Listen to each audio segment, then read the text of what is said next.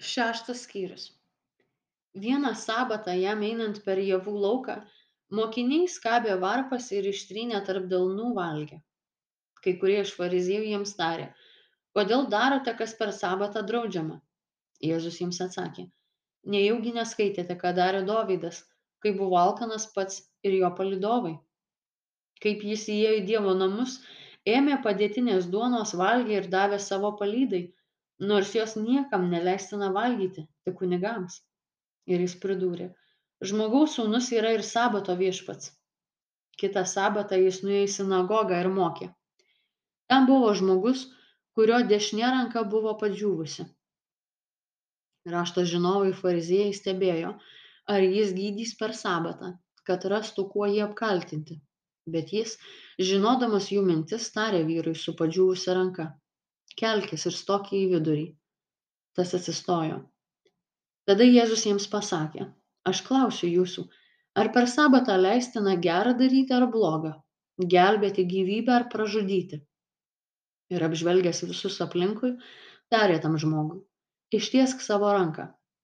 Tas tai padarė ir jo ranka tapo sveika kaip ir kita. Ir jie baisiai niršo ir tarėsi, ką galėtų Jėzui padaryti. Tomis dienomis jis užkopė į kalną melstis ir ten praleido visą naktį melsdamasis Dievui. Išaušus rytui, jis pasišaukė savo mokinius ir iš jų išsirinko dvylika, kuriuos ir pavadino apaštalais.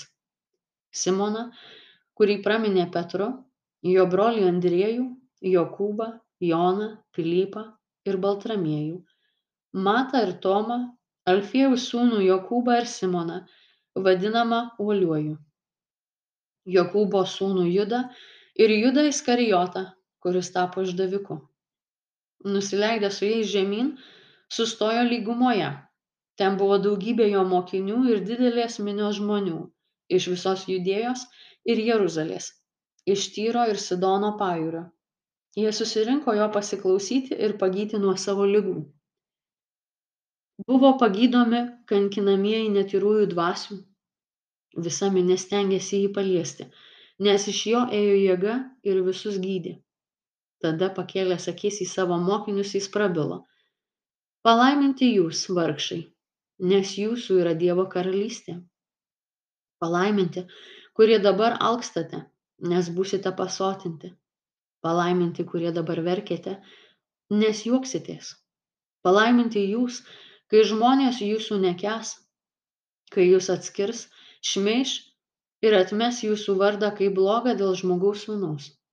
Džiaukitės tą dieną ir linksminkitės, nes štai jūsų atlygis didelis danguje. Taip jų protėviai darė pranašams. Bet vargas jums, turtingieji, nes jūs jau atsiemėte savo paguodą.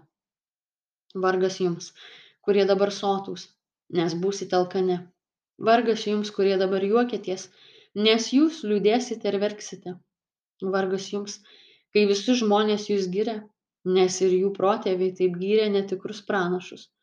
Bet jums kurie klausotės sakau mylėkite savo priešus darykite gera tiems kurie jūsų nekenčia. Laiminkite tuos kurie jūs keikia ir melskitės už savo skriaudėjus. Kas trenkia tau per vieną skruostą atsuk ir antrąjį kas atima iš tavęs apsiaustą atiduok jam ir tuniką. Duok kiekvienam kuris prašo. Ir nereikalauk atgal iš to kuris tave atėmė. Kaip norite kad jums žmonės darytų taip ir jūs darykite jiems. Jei mylite tuos kurie jus myli tai koks čia jūsų nuopelnas? Juk ir nusidėjėliai myli jus mylinčius. Jei darote gera tiems kurie jums gera daro tai koks jūsų nuopelnas juk ir nusidėjėliai taip daro. Jei skolinate tik tiems iš kurių tikitės atgausią koks jūsų nuopelnas? Juk ir nusidėjėliai skolina nusidėjėliams kad atgautų paskolą. Bet mylėkite savo priešus. Darykite gera ir skolinkite nieko nesitikėdami. Tuomet jūsų atlygis bus didelis ir jūs busite aukščiausiojo vaikai nes jis maloningas ir nedėkingiesiems ir piktiesiems būkite gailestingi kaip ir jūsų tėvas yra gailestingas neteiskite ir nebūsite teisiami nesmerkite ir nebūsite pasmerkti Atleiskite ir jums bus atleista. Duokite ir jums bus duota. Saiką gerą, prikimštą, sukratytą ir su kaupu duos jums į užantį. Kokius saikus sekite, tokiu jums bus atsekėta. Jis pasakė jiems palyginimą. Ar gali aklas vesti aklą? Argi ne abu įkris į duobę? Mokinys. Nėra viršesnis už savo mokytoją. Kiekvienas mokinys, jei gerai išlavintas, bus kaip jo mokytojas. Kodėl matai krislą brolio akyje? O nepastebi rąsto savojoje. Ir kaip gali sakyti broliui broli leisk išimsiu krislą iš tavo akies. Pats nematydamas savo akyje rąsto. Veidmainy. Pirmiau išritink rąstą iš savo akies o tada matysi kaip iš brolio akies išimti krislelį. Nėra gero medžio kuris duotų blogus vaisius ir nėra blogo kuris duotų gerus vaisius. Kiekvienas medis pažįstamas iš jo vaisių. Nuo erškėčių niekas nerenka figų o nuo gervuogių krūmo neskina vynuogių.